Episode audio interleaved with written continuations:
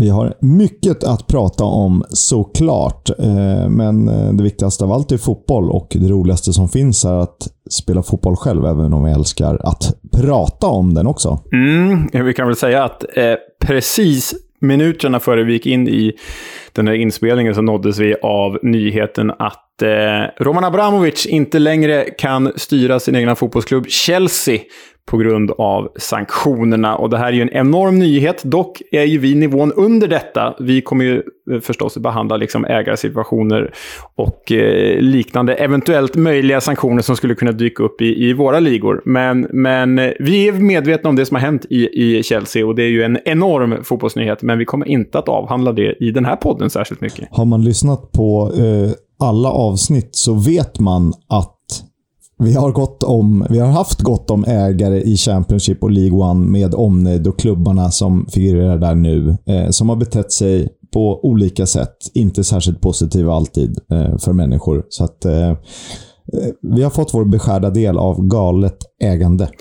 Ja, vi hade ju faktiskt, jag tror att det var Eh, ve samma vecka som Newcastle eh, köptes där i höstas, eh, då hade vi en ägargenomgång eh, i The Championship med amerikaner och kineser och pakistanier och eh, alla möjliga nationaliteter av hederliga och ohederliga ägare. Ehm, så det finns att gå tillbaka och lyssna på om man så vill. Och Det finns ju inget samband mellan eh, utländskt medborgarskap och dåligt ägande per definition. Eller att brittiskt ägande skulle vara eh, bra. Eh, nödvändigtvis. Men eh, så, så är det i alla fall. Vi kunde inte leda det i bevis. Så, så är det. Väl sammanfattat. Eh, men du, Korpen är med oss såklart. Mm. Det är femte avsnittet i följd som vi gör det här avsnittet till, eller som vi gör den här podden faktiskt, tillsammans med Korpen. Och eh, jag kommer säga det ännu en gång här. 18 år i följd har jag ju spelat Korpen och det är faktiskt fenomenalt roligt. Till och med när det går åt helvete. Jag spelade så sent som i måndags. Eh, och då åkte vi på en 1-7 karamell i, i, i baken mot serieledarna. Eh, och det var ju eh, faktiskt väldigt tråkigt att förlora så mycket. Men det är väldigt kul att träffa killarna och få vara med och spela lite, lite fotboll och få sig en fotbollslektion då och då. Och vi är ju faktiskt bättre än så. Jag tror att vi ligger tre i, i den serien. Men... Eh, om ni vill göra som eh, jag har gjort i 18 år, känna både glädje och sorg och bitterhet över eh, fotboll, så ska ni ju anmäla er till den stundande utesäsongen i Korpen. Det gör ni ju på korpen.se fotboll. Eh, själv kommer jag ju att spela i, i, i Stockholmskorpen eller Täbykorpen. Eh, och är ni på andra ställen i landet så kan ni ju spela i Göteborg eller Borlänge eller Bromölla kanske. Korpen finns ju lite överallt, så det rekommenderas. Jag spelar själv inte just Korpen, men spelar ju aktivt fortfarande och eh, inaktivt i andra serier. Jag hoppar in när folk behöver hjälp och jag tycker det är lika roligt. Så att anmäl ett lag för fasen. Och vi har hjälpt er med Strump Leicester, Cardi FF, Sorge Barnsley, eh, Jason Bournemouth. Vad mer kan vi gräva fram för roliga lagnamn till er? Ja, det finns ju Bristol-skalan City finns ju också. ja, eller Bristol Rovers-skalan. Ja, ja, det kan det också vara. Superhärligt. Sen är det ju tyvärr så att eh, Ukraina har invaderats av Ryssland på ett sätt som vi tycker är absolut ohederligt och inte förenligt med våra värderingar. Men man kan göra, eh, hjälpa så gott det går. Och Då rekommenderar vi att man via länken som vi har via sociala medier och koden EFL-podden som ger 10% rabatt så kan man genom Classic Football Shirts handla tröjor från Ukraina. Jag själv la vantarna på en Dynamo Kiev tröja från 1920, den fina hemmatröjan. Eh, tycker jag är jätteclean. Och du eh, var på Dnipro och Shakhtar-spåret va? Ja, eh, en Dnipro Dnipropetrovsk-tröja med Evgen Konoplyanka på ryggen från 2007-2008 och en Shakhtar Donetsk-tröja från 2018-2019. Därtill ett par träningsvantar från Dynamo Kiev. Och det ska ju sägas att alla de här pengarna som eh, eh, man köper ukrainskt merch på Classic Football shirts. Eh, de, de pengarna går ju oavkortat till eh, de drabbade av kriget i Ukraina. Så det är en bra grej. Eh, man får en fin tröja och hjälper en god sak. Det tycker vi är kanon.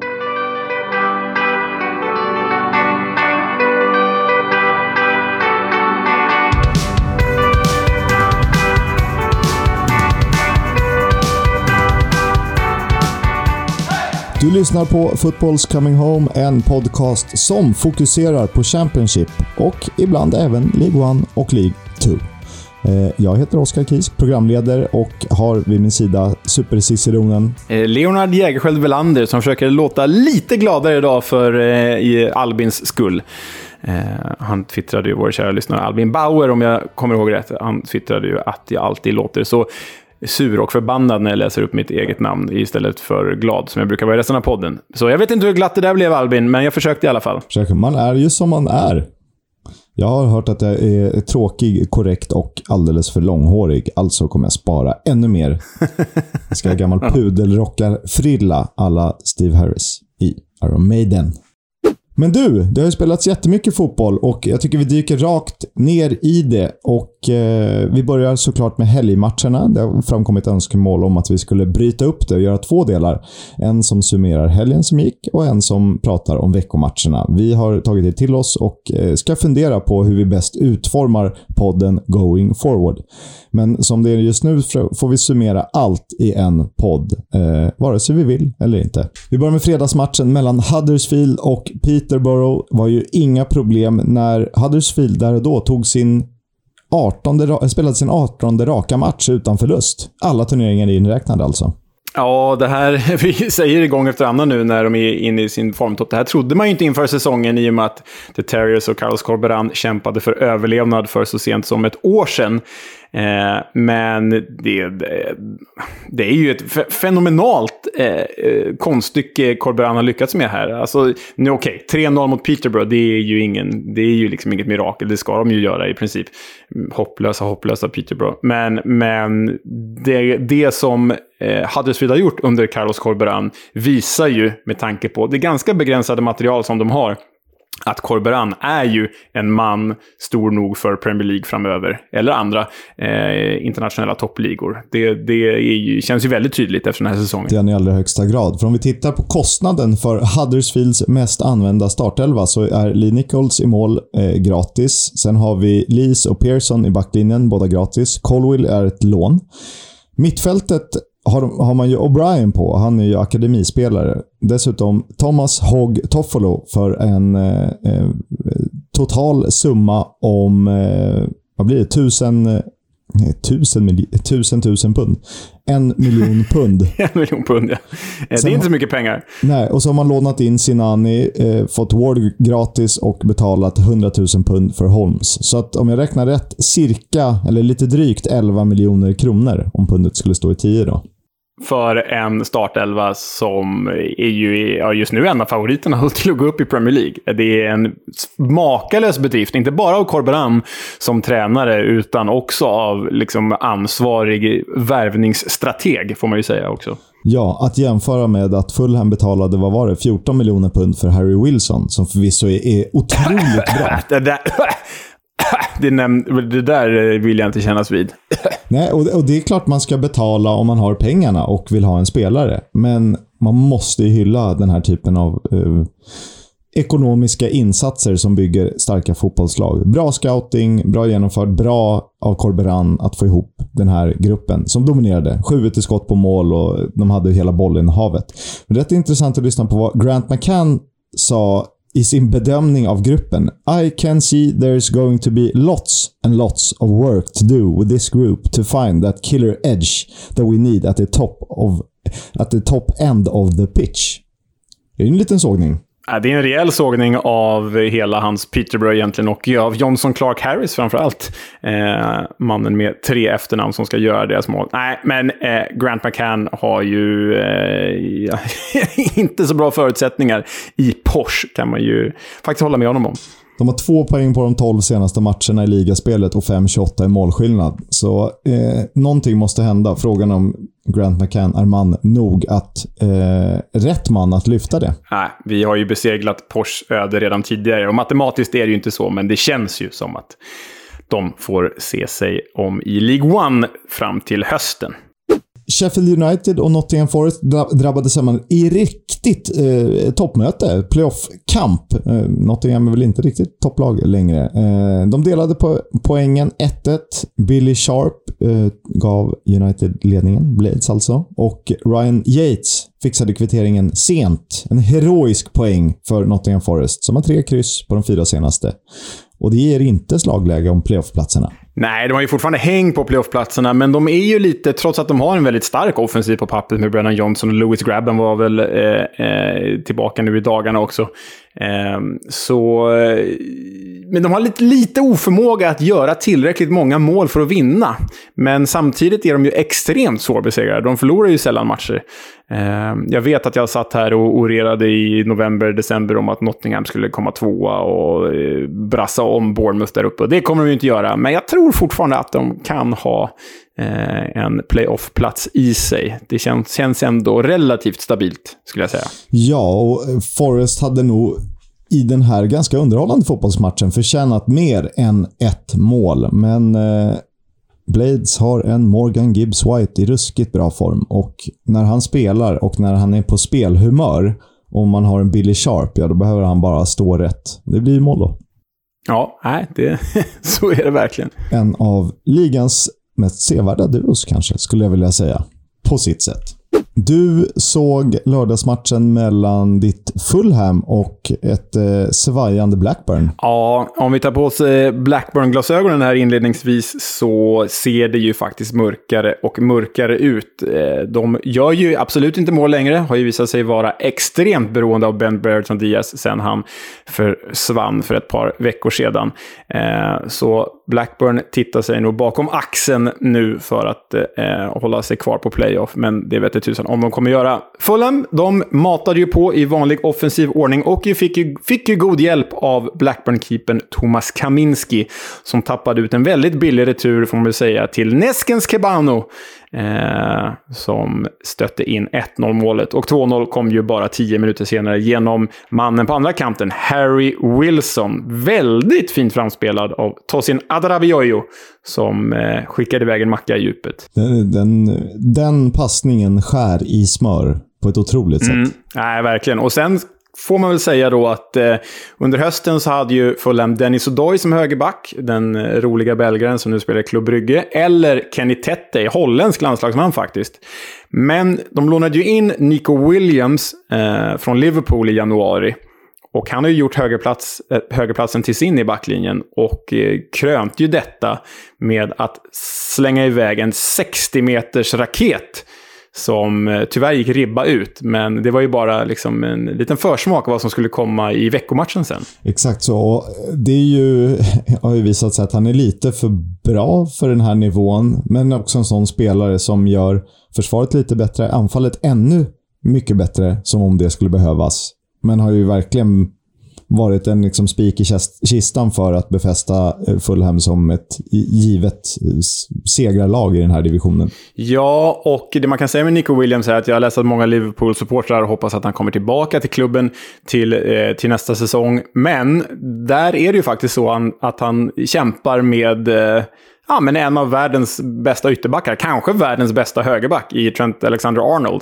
Så speltiden är ju knapp i Liverpool i framtiden. Så därför har jag läst eh, ganska enhälliga uppgifter i engelsk media om att Nico Williams verkar själv vara öppen för en permanent flytt till Fulham. Och det vore ju otroligt välkommet om Fulham går upp i Premier League. Då har man ju ytterbackarna klara till Premier League-säsongen i alla fall. Givet ålder och läge i karriären så känns skulle inte ett liksom, en förlängning av lånet med ytterligare en säsong vara särskilt dumt i nuläget. Ja, verkligen. Sen, eh, jag tror vi har eh, touchat vid det tidigare, Harrison Reed på innermittfältet. Kanske i sin roll en av de mest underskattade eh, i ligan. Han får inte särskilt mycket cred när du har en fronttrio med Mitro, Kebano och Wilson. För när han och Seri, Seri, Seri spelar så är det ju väldigt, väldigt stabilt. Ja, men de kompletterar varandra på ett utmärkt sätt. Det är ju liksom, Reed är ju en brysk, arg liten städgumma och Seri kan springa runt och vara elegant med lite härliga eh, mackor på något mycket Mikkel sätt eh, Så nej, det, det är ju en fin duo och eh, jag tror att de skulle kunna bemästra Premier League tillsammans, eh, givet att de får, givet att de får en ny chans tillsammans. Det gick ju inte så bra under Scott Parker för Harrison Reed. Han tog ju mest gula kort i, i Premier League förra säsongen. Men eh, jag, jag, är nog beredd att hålla med. Han är, han är värdig en till chans på den högsta nivån. Han kan ha mognat. Och sen vill man ju tillägga att Mitrovic agerade i den här matchen, inte målskytt, men var otroligt viktig som länk i speluppbyggnaden. Ja, och han, han, har ju inte gjort en dålig match den här säsongen, det, det, kan, man, det kan man inte påstå. Och, eh, han är ju inte bara en målskytt, han är ju en sån jäkla bra targetspelare också. Eh, sen får man ju hoppas att Marco Silva fortsätter med det här spelet i Premier League och inte ändrar sig alla Scott Parker och sätter Mitrovic på bänken en hel Premier League-säsong. Det var ju ett felbeslut så här i efterhand. Så var det. Vi går vidare till Bristol City mot Birmingham, där Tahit Chong återvände efter fyra månaders skadefrånvaro. Han satte tonen för Birmingham med sitt första mål i engelsk fotboll. Ja, det är ju kul att eh, det är bra med de här reglerna, nya lånereglerna, att man kan gå tillbaka till sin huvudklubb, rehabiliteras och sen komma tillbaka till låntagarklubben igen. Det är precis det som har hänt med Tahit Chong då. Och, eh, han låste ju upp alla dörrar med sina kreativa nycklar när han spelade i höstas för eh, Birmingham och det märker man ju skillnad nu också att han kommer tillbaka. Att offensiven sitter lite bättre i Boyers bygge när han är med. Och det är ju, jag menar, har man den frisyren så har man den frisyren. Det är en kul figur, vi gillar honom. Ja, men vi gör ju det. Och eh, jag vet inte, han blir ju någon slags injektion så pass mycket att eh, Birmingham lyfter sig och vinner här med, med 2-1 då. Borta mot Bristol City, som förvisso bara tagit eh, en seger på de fem senaste i med den här matchen. Eh, och Birmingham passerade faktiskt The Robins i tabellen. Eh, vilket blev lite för överraskande för mig på något sätt. Jag tycker att City spelat rätt, Bristol City alltså spelat rätt hyfsat i perioder, medan Blues mest har varit en, en ångestfylld berättelse på sistone. Ja, framförallt under liksom den här Weimann-formen som man får känslan av att Bristol City har varit någon slags halv, inte raket, det ska jag verkligen inte påstå, men liksom ett målgäng på väg lite uppåt i tabellen medan Birmingham bara har liksom plaskat omkring där i, i eh, ingenmansland. Men eh, ja, jag håller med. Jag är nog också lite överraskad kring detta. Men det är ju två lag som kanske bör se över sina eh, tränarval och sina trupper till kommande säsong. Hade jag inte haft ganska hyfsad koll på tabellen så hade jag nog eh, förväntat mig att ha Bristol City i samma skikt som Stoke, Blackpool, PNI, kanske Swansea också. Bara sådär om jag skulle ja, ha tagit det ur luften. Ja, men lite så. Ja, absolut. Då skiljer ändå 10 poäng mellan Bristol City och Preston North End. Eh, men så var det med det. Nu ska vi prata om helgens i särklass snyggaste fotbollsmål. Ja, och eh, viktigaste match också, får vi väl säga. Total ångeststrecksmötet mellan Derby och Barnsley. 100% ska vi prata om den. Och det var ju extra viktigt i och med att Reading tappade poäng. Mm, ja, det var ju så. Och eh, på Pride Park framför 30 000 fans, alltså Derby liksom placerar sig ju så här, har ju eh, mest, går man på en topp 10-lista över högst, högst eh, publiksiffror den här säsongen så är Derby med flera gånger. Eh, vilket är väldigt häftigt eh, givet deras prekära situation.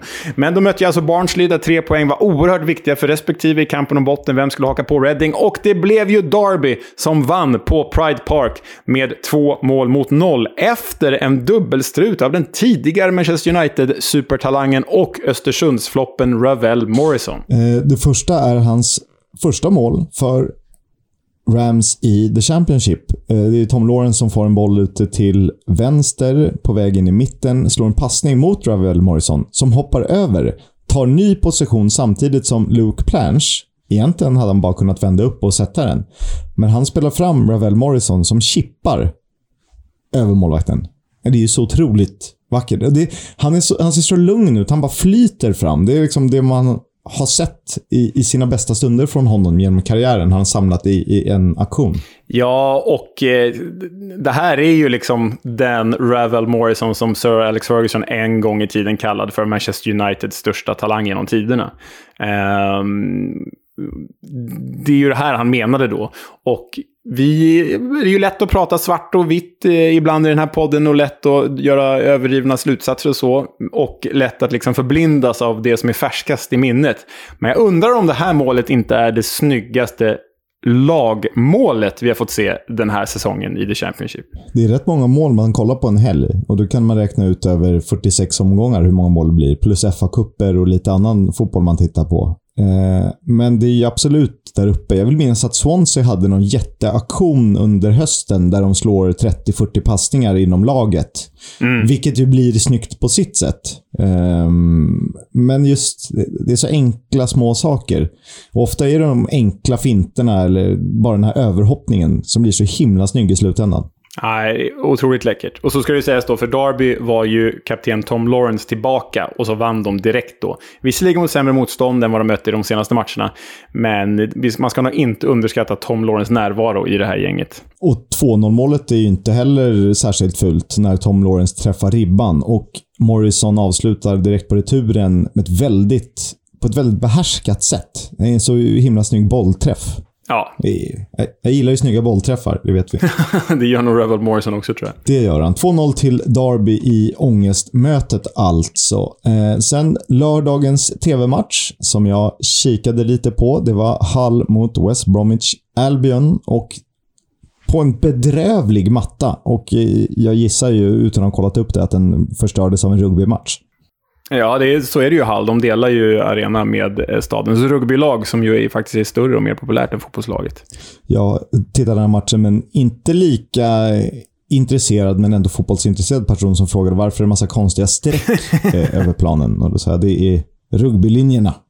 Så var det. Um, Carlan Grant gjorde båda målen i matchen när West Brom vann med 2-0 alltså. Eh, en liten lätt touch. Det är en, det är en snudd. Det är knappt att han ens rör bollen eh, i 17 minuten. Och det här blev ju då första segern för West Brom under Steve Bruce. Ja, och typ den andra på 12 matcher där, tror jag.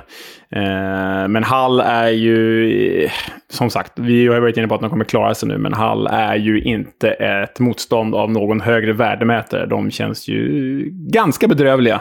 Till och med mer bedrövliga än Steve Bruce West Brom. Vad har de vunnit, eh, Hall? Kanske tio matcher, vilket låter väldigt mycket. Men det känns alltid som de vinner med 3 eller 4-0. För då har de liksom samlat ihop kraft efter 3-4 dåliga insatser och så gör de så här monstermatch. Och sen är de tillbaka i samma gamla hjulspår. Arveladze, McCann, ja. eller vem det nu är som tränar. Ja, nej, de, de... Tillbaka till ritbordet i sommar känns det som. Det ska bli spännande att se vad den turkiska ägaren hittar på. Men det, det är lite nervös för att det är mer dåligt än bra i det där lägret. Ja, det kan väl bli Fatih Terim kanske? Ja, det vore ju otroligt mäktigt. Kejsaren går in och dominerar bara. Ja, det vore häftigt. Så eh, till en av de andra matcherna i helgen som rörde playoffplatserna som var uppe i toppen. Det var Middlesbrough som eh, tog emot Luton och vann med 2-1 eh, när Paddy McNair satte 1-0 från straffpunkten. Och sen blev det ju en sen spik i kistan genom Duncan Watmore genom dåligt försvarsspel. Eh, men matchens snyggaste mål kom på stopptid. Harry Cornick gjorde det. Delikatessen var dock Adebayos förarbete. Men det var för sent. Mm, det var för sent och eh, Middlesbrough gav sig själva hopp här i kampen om playoff i och med att Luton har ju placerat sig där uppe också.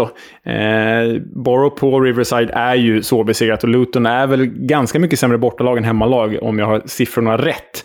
Men eh, Boroughs tio senaste då. Eh, ett kryss och sen 4-1 mot Derby. Utöver det, tre förluster, alla med uddamålet. Och sen fem segrar, alla med uddamålet.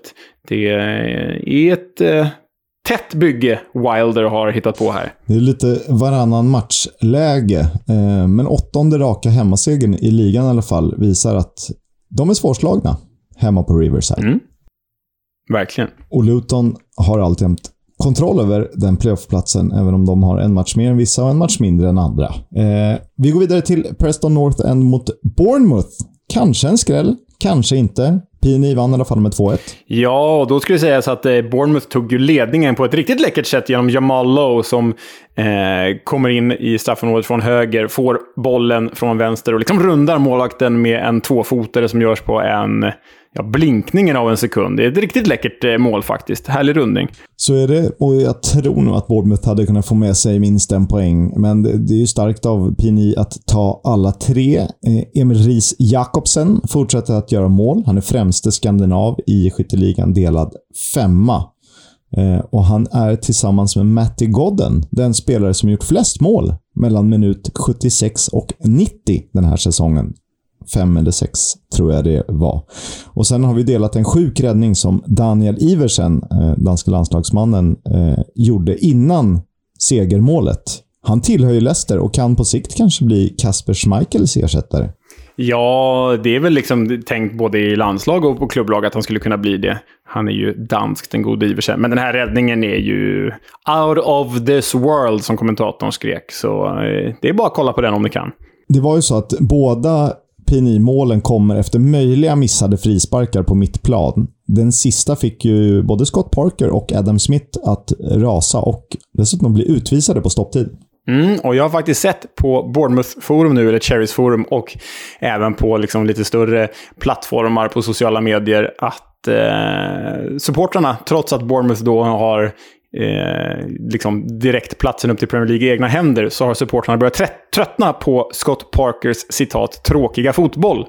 Eh, jag är ju lätt förälskad i Scott Parker sedan hans tid som spelare i Fulham. Men jag känner igen det de säger. Det var ju in, aldrig ett roligt Fulham när han tränade dem. Och Bournemouth har ju verkligen greppet om platsen. De är ju, har ju tre matcher mindre spelade än trean Huddersfield och på samma poäng. Bättre målskillnad dessutom. Så att det är nio möjliga poäng som gapet kan landa på. Exakt. Och de känns ju givna där uppe. QPR fortsätter sin kräftgång. De föll hemma mot Cardiff 1-2. Vad händer? Ja, och då tog ju faktiskt eh, QPR ledningen också genom Andre Gray. Men det var ju ganska mycket Cardiff-chanser i första halvlek också. Eh, men jag vet inte, QPR har ju... De klarade ju den här perioden under Afrikanska mästerskapen rätt bra, när de fick in David Marshall och spelade tryggt. Men det är liksom när eh, våra kompisar Zenit Gäng i mål och eh, eh Ilias Shahir har kommit tillbaka från Afrikanska mästerskapet som QPR har rasat. Jag vet inte om, vi har varit inne på det förut, att det inte finns liksom någon riktig ledarfigur i det här laget. Ingen som tar tag i det när det går dåligt. De klarar inte den psykologiska motgången. Ett medgångslag helt enkelt. Eller om de bara har tröttnat. Om truppen är för tunn. Och det kan man ju inte säga om offensiven eller om målvakterna, för där är de ju verkligen bredd. Men försvaret mittfältet, det är, det är inte mycket rotation där. Det är alltid Barbedan och, och Dicky som spelar i backlinjen till exempel. Det var ju misstänkt frispark även i den här matchen eh, i förarbetet till 1-1. Men det är nog David Marshall som får ta på sig eh, det målet. Eh, bollen dansade på mållinjen efter att han har räddat den upp i luften. Mål blev det i alla fall. Isaac Davis och Rubin Colwill gjorde målen för Cardiff. Det hade inte varit orättvist om QPR gjort 2-0 innan det vände, givet chanser och bollinnehav. Dock fler skott på mål för gästerna från Wales.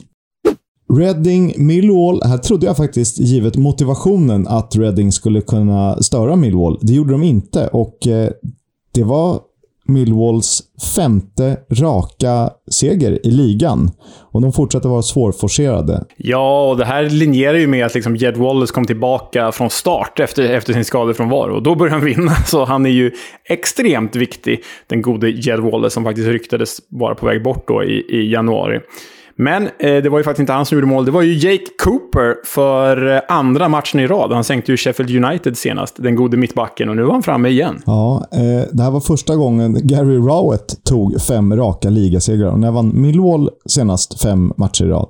Jag pratade med mina Millwall-vänner och de trodde att det var under Mark McGee, tidigt 00-tal. Eh, men var, vi hittade ingen statistik över det. Och eh, samma Millwall-kompis, vi kan kalla honom P han eh, hittade rolig statistik. Och om man backar bandet till säsongen 2017-18 och tar det fram till nu. De mittfältare i Premier League och Championship som gjort flest poäng, då ligger Jed Wallace tvåa. Mm. det är bara Kevin De Bruyne som gjort fler. Ja, det är ju otroligt imponerande faktiskt. Sen har ju förstås Jed Wallace spelat på lägre nivå än, än de som frekventerat Premier League under samma period, men det är ändå extremt imponerande. Han ligger ju då före den gode Harry Wilson med en poäng. Och därtill följer James Madison Emmy Buendia. Så det är ju faktiskt bara De Bruyne på den här listan som liksom ständigt varit i Premier League under de här åren. Hade man backat bandet några år så kan jag tänka mig att en Dele Alli hade varit där. Christian Eriksen var ju också lite poängglad under ett par säsonger. Men så är det. Jed Wallace tvåa, det lyfter vi på hatten för.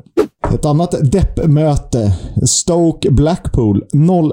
Dock inte från en deppig spelare. Det var Josh Bowler som avgjorde. Eh, föga förvånande. Honom brukar vi nämna i varje avsnitt. Eh, för att han är ju alltid inblandad när Blackpool gör någonting. Mm, och det här är ju ett styrkebesked av Blackpool, att ändå visa att de fortfarande eh, har... Här är motivation slår klass egentligen, fast vad, vad har Blackpool att spela för? Ännu mindre än Stoke. Stoke är ju... Liksom, sett till förutsättningarna och sett till nivå och sett till förväntningar så är väl Stoke det nya sorgebarnet. Får hitta på något fånigt smeknamn till dem också, men de ska ju klara bättre än att förlora hemma mot nyuppflyttade Blackpool. Det ska de definitivt. Födelsedagsbarnet Bowler avgjorde alltså framspelare av Jerry Yates ett par minuter före full, fulltid, 86 närmare bestämt. Stoke har vunnit blott en av de nio senaste hemmamatcherna i ligaspelet och det är vi inte vana från Britannia Stadium-tiden. Nej, det är on a cold and rainy night in Stoke. Men problemet är att när du är nere i The Championship, The Championship så är ju 20 av 24 lag. De är ju vana vid cold and rainy night in Stoke eller Carlisle eller var de nu kommer ifrån. Liksom. Can you do it on a sunny afternoon in Mm -hmm. det är mer det. Åh oh, nej, ska vi åka till Craven Cottage och få se lite sol? Ah! Josh Maya med Stokes bästa chans i stolpen. Blackpool vann alltså och passerade i med detta Stoke i tabellen, eller befäste sin position före Stoke. Ett Stoke som såg ut att kunna hota om playoff. Det gör de alltså inte. Ett lag som jag trodde skulle kunna hota om playoff, som definitivt inte har gjort det, eh, var ju Swansea. Och ett lag som jag som ett tag hotade om playoff, Coventry, som inte längre riktigt gör det. Eh, de möttes ju. Det blev 3-1 till Swansea. Jamie Patterson, Michael Obafemi gånger två, Gustavo Hamer eh, gjorde målet för Coventry. Det, och det är ju, på tal om vackra ledningsmål, det är ett väldigt snyggt 1-0 mål. Definitionen av hur man ska spela med få tillslag. Ja, ja verkligen. Det är ett eh, tiki-taka-eskt eh, mål där de liksom eh, one-touchar sig upp genom hela planen, Swansea och Michael Obafemi. Nej, vem är det som avslutar? Jo, det är Patterson som avslutar, eller hur? Exakt. Eh, på Obafemis assist. Eh, nej, men riktigt läckert. Det är ju så Russell Martin vill att laget ska spela. Och när det fungerar som det gör den här matchen, då är det ju väldigt fint. Men när det inte fungerar, som vi kommer återkomma till i och med matchen mot Fulham i veckan, då, då är det ju bara naivt och korkat. Exakt. Eh, Obafem är alltså två mål, en assist, två snabba löpningar till 3-0. Andy Fischer gör en hockeyassist i 2-0 målet och var faktiskt till viss del delaktig i eh, eh bollen till trean. Han står ju i mål. Eh, Coventry hade ju chanser. Både Gyökeres och Godden hade kunnat bli målskyttar. Där första halvlek avgjorde för Swansea. Och Det var helgen summerad. Vi går vidare till måndag. Inte Championship, däremot FA-cupen. Men ett Championship-möte mellan Nottingham Forest och Huddersfield. Mm, och eh, här eh, jagade ju båda platsen att bli andra lag i FA-cupens eh, kvartsfinal, eller sjätte omgång som man väl säger i England istället för kvartsfinal. Eh, Middlesbrough var ju redan kvalificerad för den omgången och det var ju faktiskt Forest som drog det längsta strået här. De vann ju med 2-1 efter att ha vänt underläge Huddersfield tog ledningen genom Tom Lees mindre än en kvart in i matchen. Och det stannade vid 18 raka matcher utan förlust om man ser till alla turneringar. De kan ju förlänga sviten i ligan. Eh, Nottingham Forest gör alltså Middlesbrough sällskap och resten är Premier League-representanter. Eh, sen spelades det lite veckomatcher, eller det spelades lite tisdagsmatcher. Eh, vi kan väl börja med Barnsley Stoke 1-1. Och här lider man ju med Poyas Bagis Barnsley.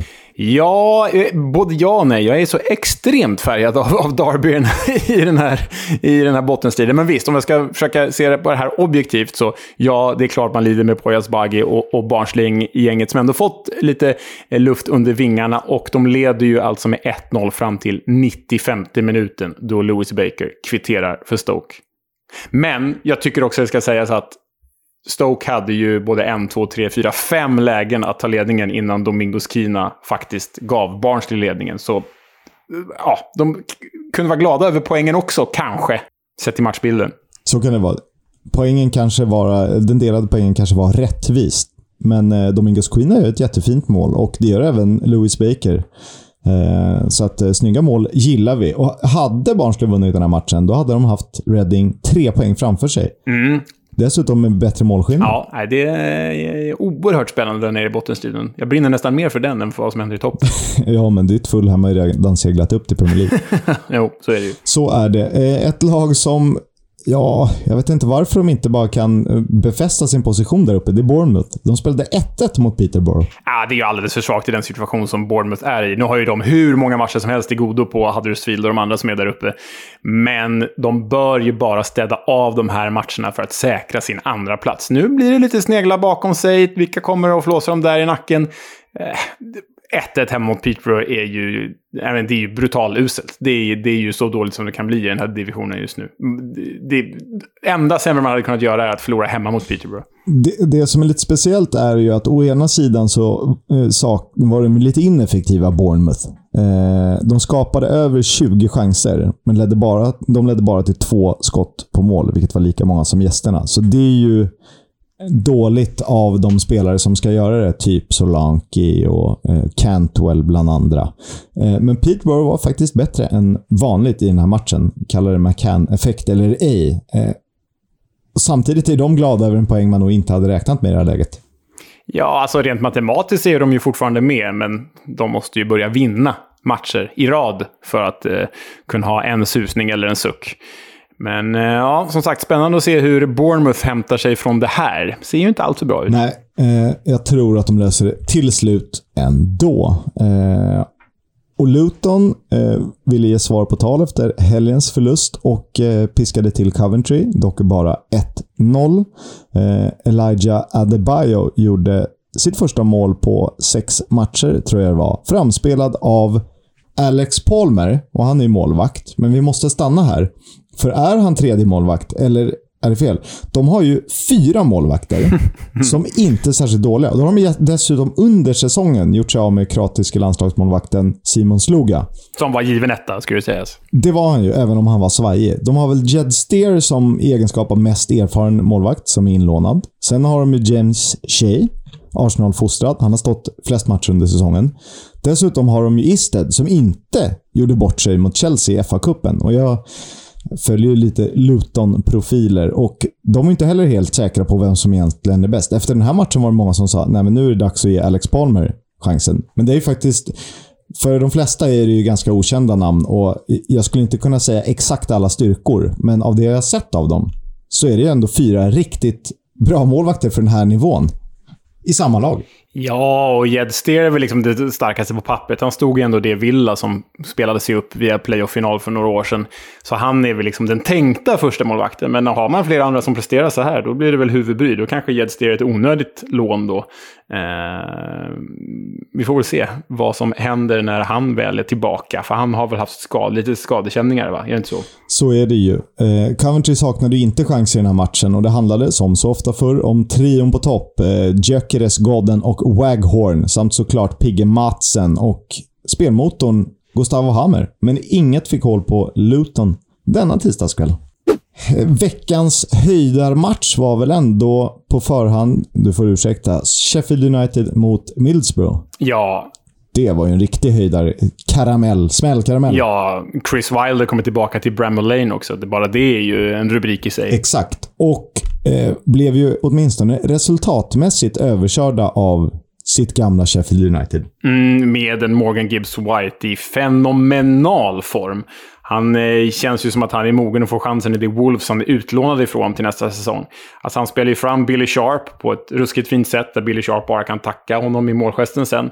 Och sen hans klack avslut, hans klackmål till 4-1. Det är ju inte out of this world, men det får gärna tänka på figurer som Gianfranco Sola. En grej är att göra det med ena foten i backen och så liksom, ja, du klackar ju bakom andra benet. Det är inte en ren klack. Det är inte på med själva klacken, men du, ja, det kallas ju klack eller klackskarv om man, om man så vill. Men han gör det ju i luften och han är ju en bit över marken, vilket gör det ännu mer imponerande. Ja, otroligt häftigt. Och Sheffield United har ju... De kommer inte komma topp två som vi tippade inför säsongen, men de kommer ju in i det här playoffet med kraft. För jag tror nu när de väl är på de här playoffplatserna, de kommer inte tappa det här nu. Och de gör så jäkla bra resultat ifrån sig.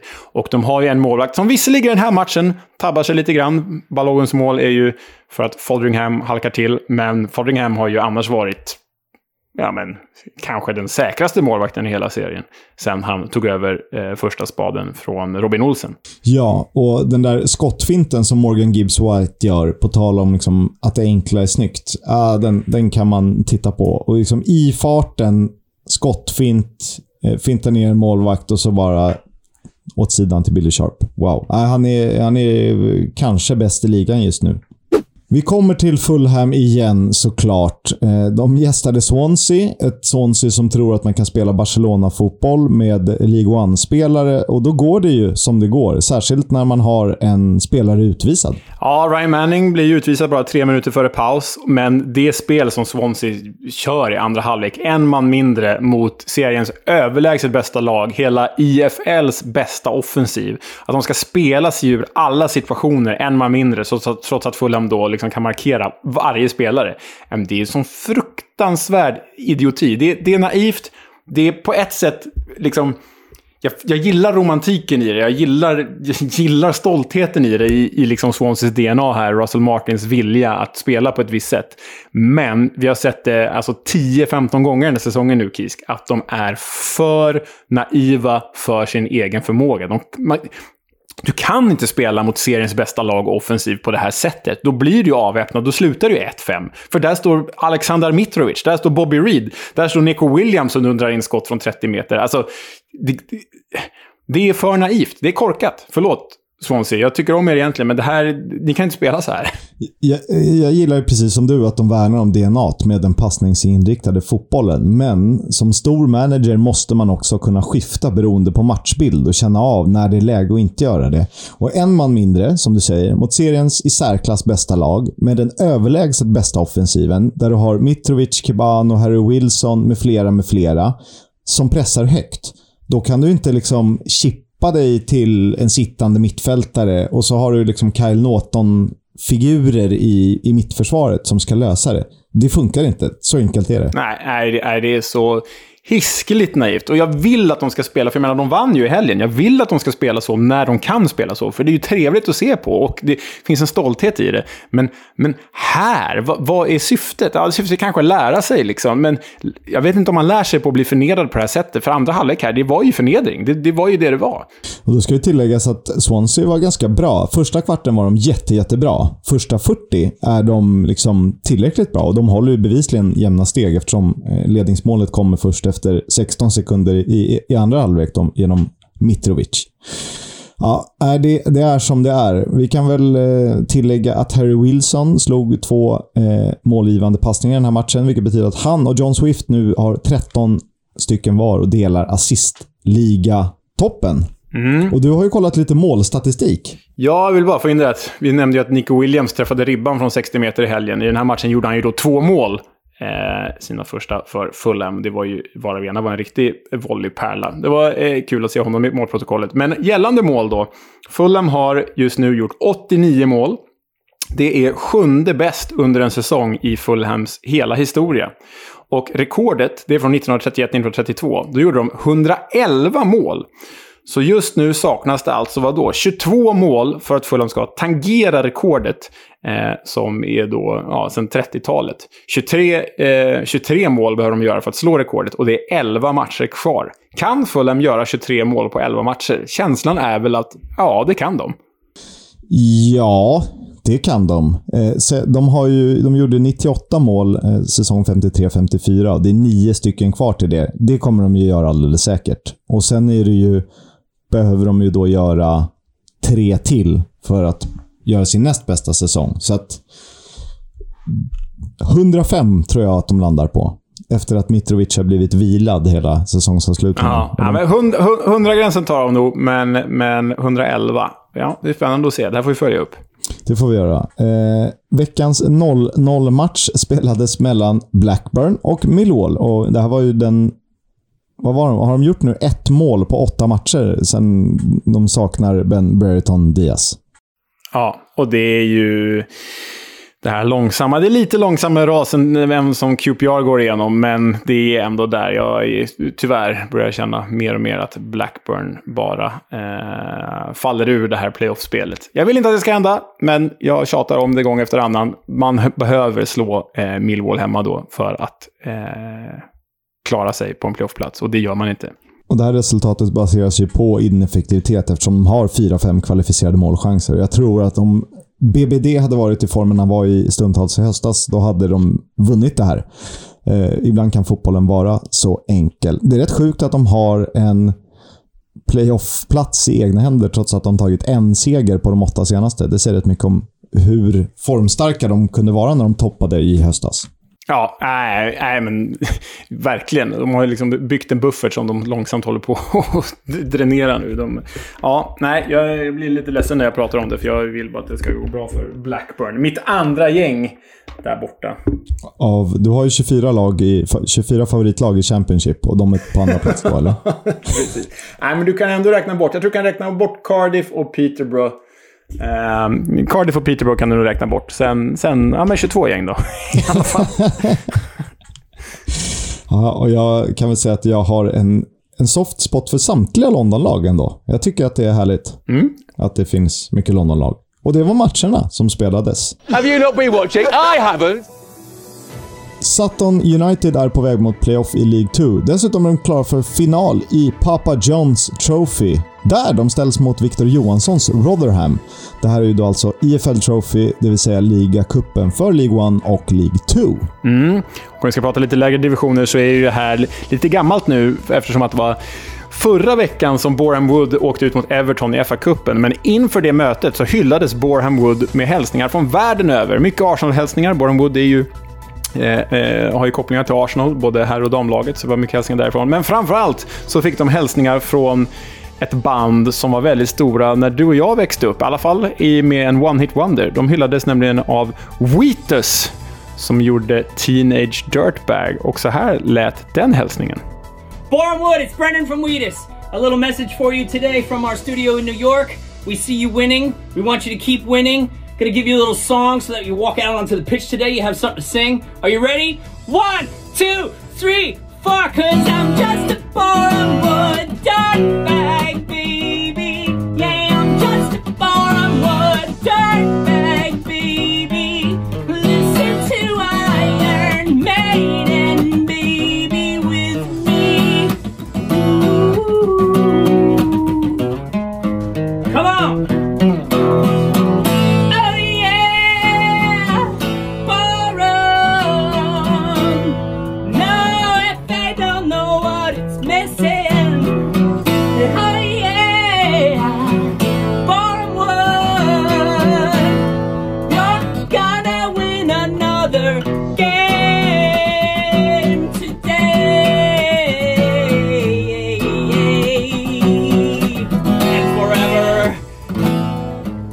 Det svänger ju. Det här är en, det här är en fantastisk låt eh, so- som får en att drömma tillbaka till vad kan det ha varit? Mellanstadiediscon? Ja, men det är fantastisk så här, high school eh, nostalgi och romantik för oss som växte, som liksom födda på det sena 80-talet och växte upp med det här i tidigt 2000-tal eller sent 90-tal. Nej, riktigt trevligt att se Wheatus dyka upp. Jag hade inte tänkt på dem på säkert över ett årtionde och så står han där och hyllar Boran Wood helt plötsligt. Det gladde mig i alla fall. Ja, det är stort. Eh, Sergej Rebrov, som vi har konstaterat, har gjort en Championship-säsong i West Ham. Eh, den enda ukrainska spelare, så vitt jag vet, som har spelat Championship. Han är numera tränare för Al Ain i Dubai. Men det kan bli hemresa för hans del då han inte stänger dörren för att delta i Ukraina i försvaret mot det ryska angreppet. Coventry har förlängt kontraktet med den Brasilienfödde holländske före detta U-landslagsmannen Gustavo Hammer. Och det ger ju oss anledning att spela den här ramsan.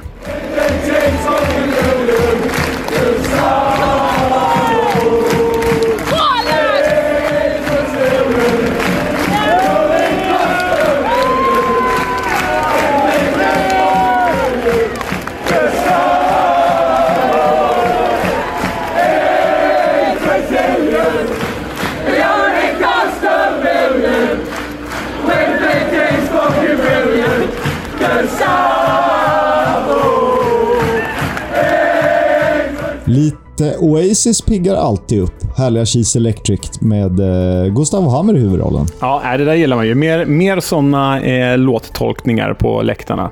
Coventry har ju faktiskt en rätt bra till Victor Gyökeres som vi spelat i den här podden. Eh, och sånt gillar vi. Lite humor och lite bra melodi.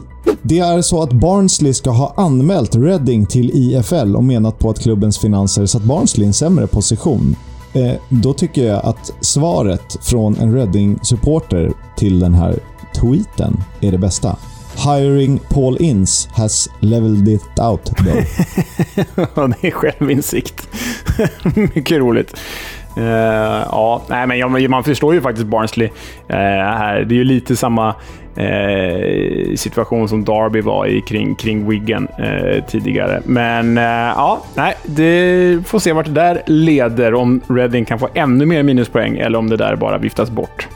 Mike Ashley är ju en av de intresserade köparna av Derby. Han ägde Newcastle förut. Han sägs inte vara den högst prioriterade eh, köparen när det kommer till konkursförvaltarna som alltjämt letar efter en ny ägare till Derby County. Det har tagit väldigt lång tid. Väldigt, väldigt lång tid. Men det gör det såklart. West Ham uppges vara sugna på eh, poddfavoriten, de får väl säga, Antoine Semenyo, som ju har jämförts med både Drogba och Henry och sägs kosta cirka 15 miljoner pund att köpa loss från Bristol City. Och Det här är i och för sig i, eh, långt ner i seriesystemet, lägre än det vi egentligen bevakar. Men Roberto Carlos började på bänken för Bull in the Barn United, som spelar i Division 1 i Shrewsbury and District Sunday League. Alltså typ ett korpgäng då. Eh, pubgänget vann en tävling och priset var att få Roberto Carlos i en match. Och det fick de. Sen dök det upp videos då på sociala medier där Roberto Carlos satt på puben tillsammans med de här killarna och drack en pint. Och ringde upp Sergio Ramos på Facetime. Det tyckte jag var... det är lite glatt så här i, när det har varit så mycket hemskheter de senaste åren. Verkligen.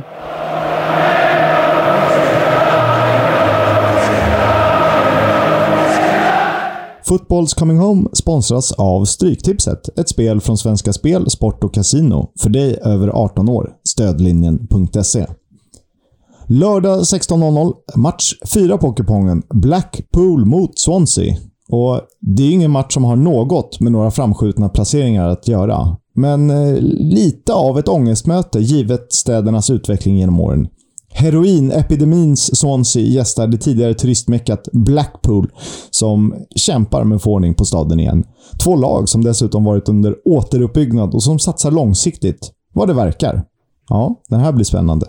Leo, vad, vad har du i kikan? Ja, men först vill jag ju, ju egentligen nämna mitt kära Fulham mot Barnsley, men kände ändå att förutsättningarna är lite väl enkla där för Fulham. Så istället går jag faktiskt på Bournemouth mot Derby. Två lag som ju behöver vinna, men i varsin ände av tabellen. Och vi har ju sett Derby tidigare under säsongen vara ganska bra mot just de eh, övre lagen, eller lagen på den övre halvan. Så den lördag 16.00 känns ju eh, riktigt spännande. Och sen söndag playoff-möte i något slags halvderby. Om man räknar the Greater London Area. Men eh, Luton tar emot Queens Park Rangers tidigt på söndag förmiddag. Den blir ruskig. Den blir riktigt, riktigt spännande. Och så kanske vi ska passa på att slå ett slag för fredagsmatchen. Det är ju alltid trevligt med fredagskvällar framför Championship. West Bromwich Albion mot Huddersfield. Och eh, vi får väl se om West Brom kan skaka liv i det där liket som inte är helt borträknade, men som känns borträknade. Men Huddersfield verkar befästa den här positionen. Wow! Nu ska vi prata om en klubb och vi har gjort Championship, vi har gjort Billy Sharp, vi har smugit oss ner i League One och eh, ni som lyssnade på förra veckans avsnitt vet ju att jag gav Leo i uppgift att eh, berätta historien om Plymouth Argyle FC.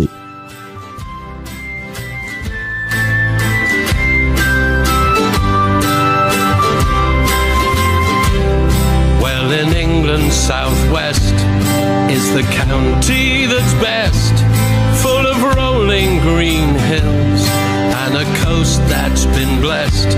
And inside of the sound lie the three Plymouth towns, where everyone's known as a janner. Janner! Janner! Down in Plymouth we're all known as Janet. And our own football team, Plymouth Argyle Supreme, are the finest this beautiful county has seen.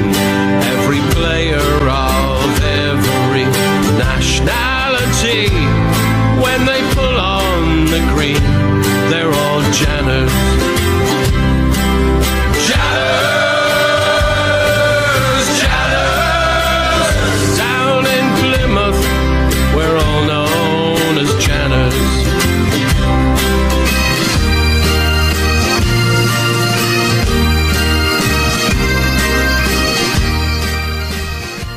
Där var rätt härlig. Eh, väldigt, om man säger brittisk, ink, irländsk eh, folkmusik.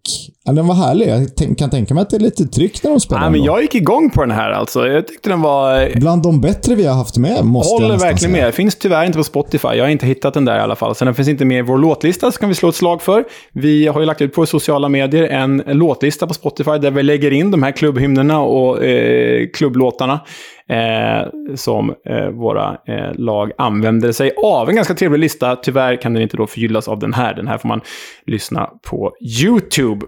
Men Den heter eh, Musiken i EFL-podden för er som vill söka upp den på kan Spotify. vara bra att säga det också. Ja. ja, de sjunger ju “Down in Plymouth we're all known as Janners”. Och det sjunger de med stolthet i Argyles klubbhymn. Det är sydvästengelsk slang för en person som kommer från Devon i just sydvästra England. Då. Och just den här ramsan och den sydengelska stoltheten från Devonshire, den sätter både ord och ton på vad Plymouth Argyle egentligen är. Utbölingar. För en klubb så långt söderut och så långt västerut man kan komma i England egentligen. Och det är med sådana geografiska förutsättningar som klubben och staden skapar en känsla av gemenskap inom liksom det egna communityt, men en känsla av utanförskap från resten av landet. För de är så, inom citationstecken, vi pratar ändå engelska liksom avstånd här, långt bort från det andra. Plymouth ligger nämligen stadiga fyra och en halv timmes bilkörning från London, sydväst om London. Och eh, det är att jämföra då med samma avstånd som mellan London och Manchester. Men grejen med Plymouth är att det är sannoliken ensamt där ute på sydkusten. Plymouth är en hamnstad i Devonshire med bara Cornwall som ligger längre västerut. Det är ju ett distrikt i England, riktigt så här fint semester, gulligt engelskt, eh, morden i Midsummer-distrikt. Eh, och närmaste större stad i, eh, i närheten av Plymouth, det eh, finns i form av Torquay och Exeter. Så det är, och det är ju liksom så här, ja men Torquay är ju semesterstad i England. Så det är inte stora städer det handlar om här. Plymouth är ju störst i området. Hamnstaden Plymouth hyser drygt 250 000 invånare och har en maritim historia. Medan resten av England genomgick den industriella revolutionen blev Plymouth dess kontakt med omvärlden. Det var nämligen härifrån som mineraler, porslin och andra varor exporterades till övriga världen. Och på grund av stadens väldigt strategiska läge fick eh, Plymouth militär vikt för Storbritannien och bombades således av tyskarna under andra världskriget. Under det som har kommit att kallas för The Plymouth Blitz. Och efter kriget tvingades staden bygga upp hela sitt centrum igen. Störst historiska vingslag har dock med pilgrimerna att göra från Plymouth. Det var nämligen härifrån, på 1600-talet, som eh, pilgrimsfäderna tog båten över till den nya världen och koloniserade Amerika. Och detta har förstås sitt arv även inom fotbollen. Plymouth Argyles smeknamn är ju nämligen The Pilgrims och på klubbmärket ser vi skeppet Mayflower. Det var ju den båt som förde pilgrimerna över Atlanten. Men även om Devonshire och än mer Cornwall är bildvacker plats så är den inte optimal för fotboll. För faktum är att det i nuläget bara är två klubbar från hela Devonshire i hela IFL. Det är Plymouth och ärkerivalen Exeter. Inga andra. Därtill är Argyle den mest västliga och mest sydliga professionella klubben i hela England. Och det är faktiskt så att Plymouth är den största staden i England med en professionell fotbollsklubb som aldrig någonsin har spelat i högsta serien. Och då Kisk, då undrar man ju, finns det något att berätta om Plymouth om de aldrig ens har varit högsta serien? Ja, men det gör det ju. Alla klubbar har ju sin historia. Och eh, vi kan väl lyssna på deras andra förslag till klubbhymn.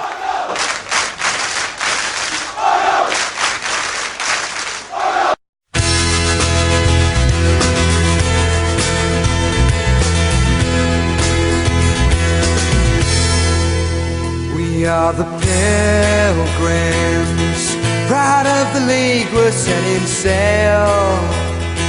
To get where we belong, we'll never fail.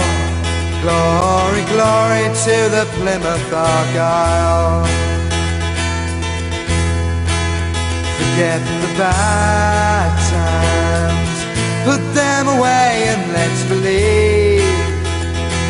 Tomorrow we can realize our dreams. We can be champions football's kings.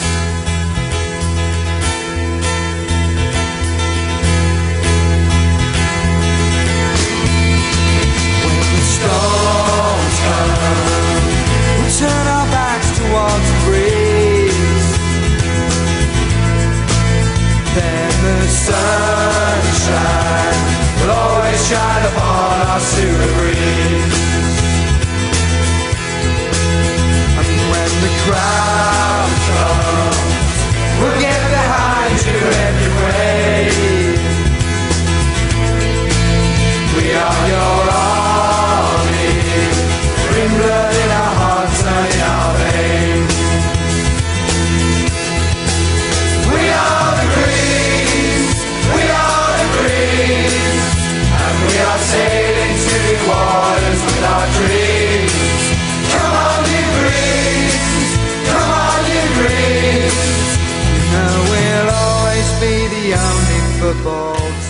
Ja, som ni hörde så aspirerar flera artister, sångare och låtar på att vara klubbens officiella. Och den här var kanske lite sämre än den vi lyssnade på i inledningen. Tycker jag i alla fall.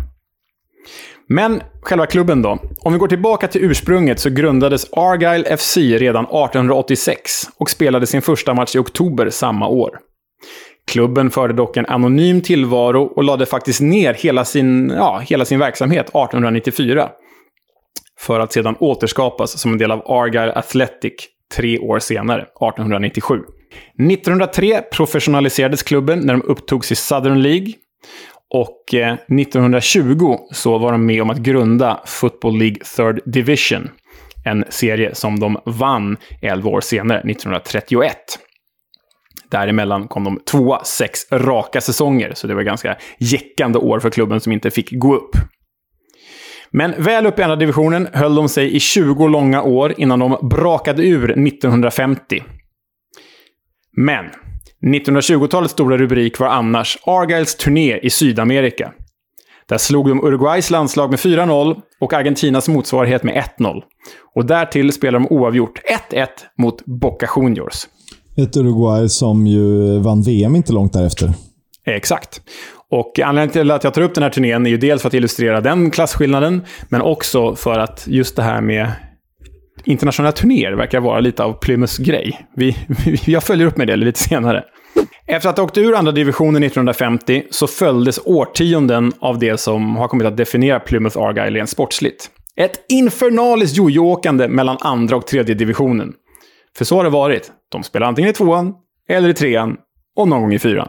Men faktum är att klubben nådde sin högsta position någonsin säsongen 1952-1953, när de kom på fjärde plats i andra divisionen. Och närmare än så har de aldrig varit högsta serien. Det känns lite deppigt det här, va, Kiske? Eller? Ja, men man lider lite med dem. Men det är så här, du kan ju inte både få en fin plats och ett bra fotbollslag. Antingen får du ju depp och eh, glädje på arenan, Exakt. eller så får du det motsatta. Ja, och under de här årtiondena med jojo-åkanden mellan divisionerna så finns det ju ändå godbitar att plocka ut. Som deras andra internationella turné, när Argyle åkte till Polen på en ganska bizarr resa på 60-talet. The Pilgrims tog sig alltså förbi, förbi järnridån och spelade då 1963 en match i Warszawa som ådrog sig 100 000 åskådare. Till dags dato den Argyle-match med störst publik någonsin. Oj. Annars var 60-talets stora höjdpunkt semifinalen i ligacupen 1965. Det var första gången som ett lag från andra divisionen tog sig så pass långt i turneringen, men där förlorade de mot Leicester. Och det är väl lite talande om The Greens, eller The Pilgrims, att man gör återkommande nedslag vid just uppvisningsmatcher. För om besöket i Polen och Sydamerika inte var gott nog så tog ju Plymouth Sydamerika till Home Park istället 1973. Då Pelé och hans Santos kom på besök. who graced the greatest grounds in the world in his illustrious career, also strutted his stuff at Home Park in Plymouth. He was on a world tour with his club Santos that also took him Fulham, and to make the story even more remarkable, the Devon club actually won. Dowling breaking away, trying a first time shot. It's a goal! Tremendous shot by Alan Dowling. Sullivan taking on Hermes. Into the centre. That's Derek Rickard! And it's a goal. They're complaining that it was offside, but been flagged. It stayed down, and Derek Rickard puts Plymouth Argyle two up.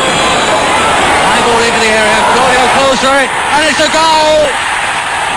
The ball came from Alan Welsh. The goalkeeper Colfred, he lost it. And it was Jimmy Hicks slipping it in, putting Argyle 3-0 up. Argyle låg då i tredje divisionen, men ledde alltså med hela 3-0 mot självaste Pelé och hans lagkamrater i Santos. Plymouth vann till slut med 3-2 och ja, det är som sagt en uppvisningsmatch. Jag tror inte det är en riktig värdemätare om liksom, klasskillnaderna mellan Plymouth och Santos egentligen. Jag tror, man kan ju tänka sig att Santos-grabbarna hade en del annat att göra mellan matcherna som kanske fick deras fokus ja, på annat håll. Antagligen. Men bara ett år efter att Pelé var på besök så var det dags för semifinal i ligacupen igen. Men den här gången då som ett gäng från tredje divisionen.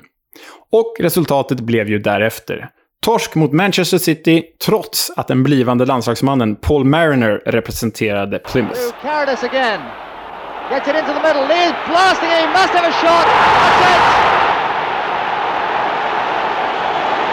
Corner taken by Samaby on the right. Saxon who gets it away. But he misses the second one. Lee tries to push it inside to Bell. Bell, beautiful effort. Och som om det inte vore nog så blev det faktiskt semifinal i FA-cupen också som en tredje divisionsklubb för Argyle. Detta 1984. Och då åkte Argyle ut mot Manchester City. Igen. Och jojoåkandet fortsatte mellan tvåan och trean. Och det var faktiskt först våren 1995 som The Pilgrims flyttades ner till fjärde divisionen för första gången någonsin. Men inget ont som inte för något gott med sig. För i fjärde divisionen Enter Neil Warnock. Han kom och tog över laget nere i fyran och ledde dem under sin första säsong som tränare till klubbens första match på Wembley. Playoff-finalen mot Darlington. Well, it's all about promotion, isn't it? All, all the disappointments, all the success of the season so far, they can be discarded, can't they? Now it's it's a one-off game. It's who's up for it. It's who can settle first. Plymouth probably favourites by the fact that they've probably got a little bit more experience in the side with players who have played in this situation before, where it's all new to Darlington. Well, Warnock knows his way to this ground all right. Five Wembley appearances in seven years. Three times with Notts County and Huddersfield he's been successful in the Wembley playoff. The keeper the man under pressure here. He's been happy to try to catch when he can. This one played back to Patterson. A bad ball in. And a good goal. Morja. Argyle take the lead. Ronnie Morja. And those fans in green and white delirious there. 20 minutes gone in the second half. And it swung Plymouth's way. Well, they weren't alert here to the little ball played back. It's a good ball clipped in, but then probably one of the smallest players on the field, Morga, gets a free header. Poor marking by Darlington. It's a good ball clipped in. Defenders starting to come out. They're static. Nobody's really marking him. There's half a dozen black and white shirts in there, but nobody marking. And unfortunately, Darlington have paid the price. We've had Michael jumping for it again. And it's all over for Darlington. It's the Pilgrims who progress into the second division. They've won this final by just the one goal scored by Ronnie Morja. And there's a West Country eruption there. They came up in numbers from Devon, more than 30,000 football pilgrims, and they've been victorious here at Wembley. Ja, som ni hörde gjordes finalens enda mål av Ronnie Moog i Plymouths favör. Och det är ju klart att Neil Warnock var nöjd med det. You should play every game at Wembley. Well, it's, it's, it's nice when you've obviously got the right result, but it's a long season, it's very hard work, and as you saw today, it's quite an emotional carry on, isn't this Wembley job? I mean, if you're going to go up, you know, is it better to do it this way because more exciting? I mean, I know it's nice to win a championship, but the glamour of coming to Wembley. Well, it, obviously it's an ideal way to go up, but believe you me, I don't plan these things. Everybody thinks I plan it. I assure you that I don't. And uh, it's really, I would have liked to have been on the beach, if I'm honest, but the fans have loved it. They, I mean, they would have enjoyed it even if we'd have lost, as daft as it sounds. They've waited so long to come to Wembley. But I said to the lads at half time, there's only one way to do it. You've got to be a winner at Wembley. You know, there's, you walk off otherwise and there's nothing for you. Whereas now, all our summers looking forward to the next division and got the, one or two careers back on the road, and we've got to try and, and now consolidate ourselves. I'll never forget the crowd singing at the end. I hope the video has got it on that because the crowd singing I thought was magnificent. And uh, Mick Jones, myself, we've worked very, very hard. And to see that lot at the end not going away, I, I found that incredible. Det är ändå lustigt att han eh, måste försvara sig med jag har inte planerat eh, att vinna på Wembley. Utan eh, han hade nog tagit direktplatsen. Det tror jag också. Tyvärr fick ju den gode Nock lämna bara ett år senare. Och Neil Warnock i, ära, i all ära. Plymouths riktiga resa uppåt kom under en annan Nock. Eller Rock egentligen. Paul Sturrock. Den tidigare Dundee United-legendaren tog över The Pilgrim som tränare år 2000. Då som ett lag nära nedflyttning ur The Football League. Och när han lämnade dem för Southampton våren 2004 knackade de på dörren till The Championship. Någonting som också blev verklighet bara ett par månader senare. Och väl uppe i The Championship hette spelarna exempelvis Rufus Brevet, med förflutet i West Ham, Jason Dodd, gammal Southampton-ikon, Matt Derbyshire, Taribo West, Sylvan Ebanks Blake, Ashley Barnes, Yannick Bolasi, Emil Pensa, Craig Cathcart och inte minst Bojan Djordjic. Från supportrarna, från Home Park-arenan och folket runt omkring. Det var verkligen var till, till, tillbaka till svenska idyllen när de var så stolta och nöjda att de skulle kunna mäta sig med de stora. Och de stora var ju Southampton. Hey, vi ska möta Southampton. Vi ska möta West Brom. Reading var första matchen på bortaplan, vilket vi lyckades vinna. Jag vet inte hur. Jag tror det var så 70 skott mot mål hade vi. Och, och Nick Chadwick som spelade i Everton gjorde mål i 90 85. Mm. Vi vann ju med 0-1 första matchen då i Championship. Men eh, nej, folket är fortfarande väldigt måna att man mår bra. Man får fortfarande inbjudan att man ska spela matcher där nere, komma och besöka. Vi hade ett bra förhållande med supporterna. Det hade jag. Och de visste vilken jävla tuff period jag hade från Tony Pulis till Holloway. Eh, det är två tränare som jag kommer alltid minnas, om man säger så. Det är ju, vi måste ju prata om det här laget. Det är otroligt. Nu är ju inte det en elva, så, men eh, vilket jäkla gäng. Ja, det är ju utspritt över några år, de där namnen i, i The Championship, men det är ett jäkla gäng. Och eh, som ni hörde med, med, med Bojan så trivdes han ju väldigt bra i Plymouth. Och vill ni höra hela den intervjun så kan ni gå tillbaka eh, i vår eh, spellista eller avsnittslista. Och så, för vi hade ju Bojan på besök och han pratade ju väldigt varmt om sina två år i Plymouth. Det rekommenderas. Det blev ju två säsonger då som sagt på Home Park innan Bojan lämnade klubben för AIK 2007. Och I och med att han lämnade 2007 så undvek han också den bittra nedflyttningen tre år senare till League One. En nedflyttning som klubben inte har hämtat sig från sedan dess. För när de föll ur 2010 ramlade de sen rakt ner i League 2. Och sedan dess har de alltså då inte varit tillbaka i The Championship. Även om de nu är uppe och nosar på playoffplatserna till vår kära andra division. Och sen då, själva namnet, slutligen och till sist. Argyle. Vad betyder det ens? Mm, här finns det ingen fastslagen sanning, men det finns teorier om varför man heter Argyle. En förklaring är att klubben döptes efter The Argyll and Sutherland Highlanders, ett militärt regemente i staden Plymouth. En annan teori är att klubben fick sitt namn från The Argyle Tavern, där några av grundarna hängde och drack öl. Och ett tredje alternativ är gatan Argyle Terrace. Ja, vem vet? Ja, nej, vem vet. Och det var det jag hade om eh, The Pilgrims. Och det finns ju liksom ingen jättestor grej att hänga upp det på här. Men jag har liksom, som när man gör de här avsnitten, jag har googlat bilder både på stan och på arenan och historiska bilder och klubbmärket. Och man, man får ju ändå en historisk kontext av klubben. Och det kanske var en av de mest intetsägande liksom, berättelserna jag, jag har gjort från vår sida i, i, i den här eh, podden. Men Plymouth är ändå en av de klubbarna som jag har gjort som jag har känt mest för under resans gång. De har verkligen fastnat på mig med deras liksom, vi är längst ner i sydväst och ingen bryr sig om oss och vi har jättefint och vackert men vi är sopiga på fotboll. Det, det har gjort något med mig. Jag, jag är lite sugen på att ta båten dit. Kan, kan det vara så, jag vill minnas att vi har touchat vid tidigare, att eh, klubbar från områden som inte är typiskt arbetarklass eller med den typen av liksom, identitet inte har samma go. För det är ju typiska arbetarklassstäder, eller områden, eller klubbar då, som har dominerat på ett eller annat sätt i engelsk fotboll. Ja, jag vet, ja det, har, det har du ju teoriserat om förut och jag tror att jag håller med.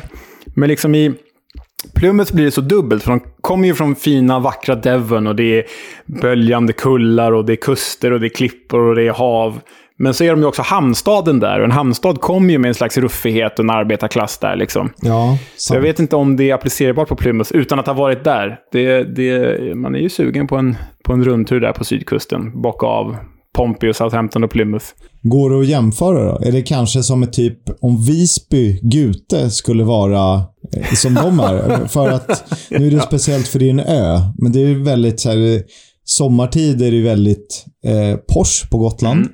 Men året runt är det ju, har det ju varit liksom mer krig och handel och, och annan typ av historia. Ja, men det är kanske, kanske en relevant jämförelse. Jag tycker att vi får eh, ta oss till Home Park och studera helt enkelt för att, för att nå det här svaret. Det är det vi får göra, helt enkelt. Have a chat about the fucking game.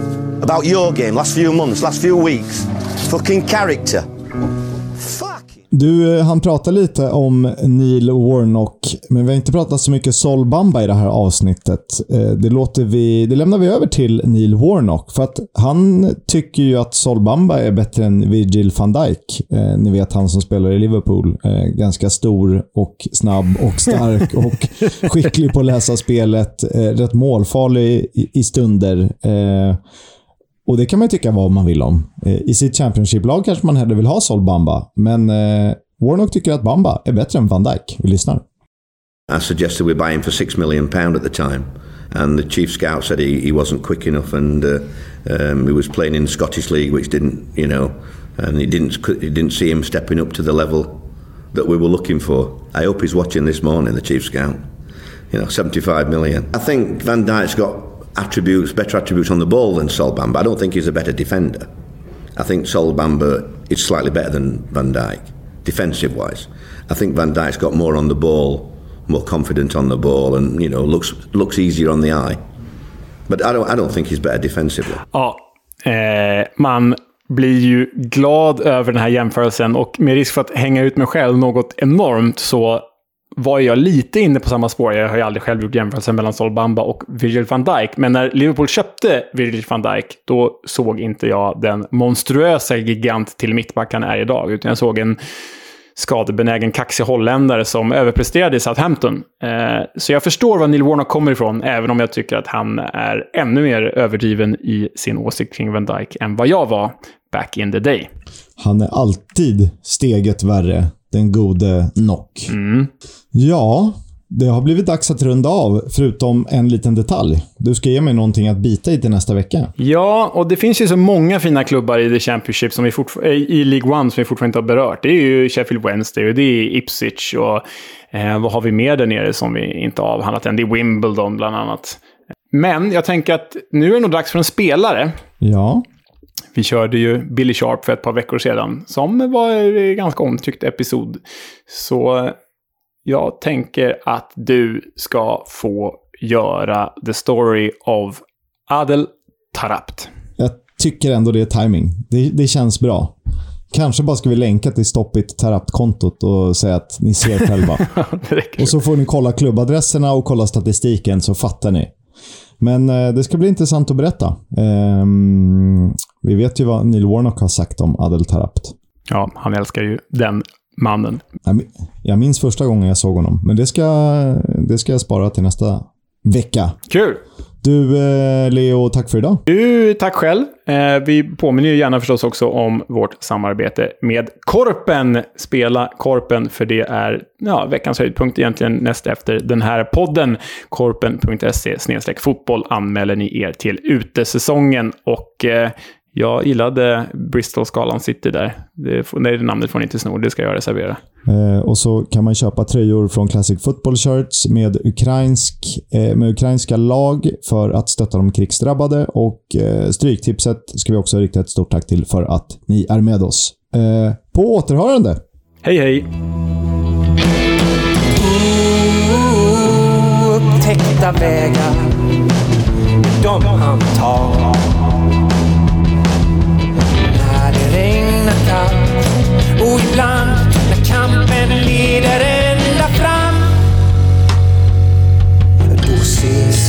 mula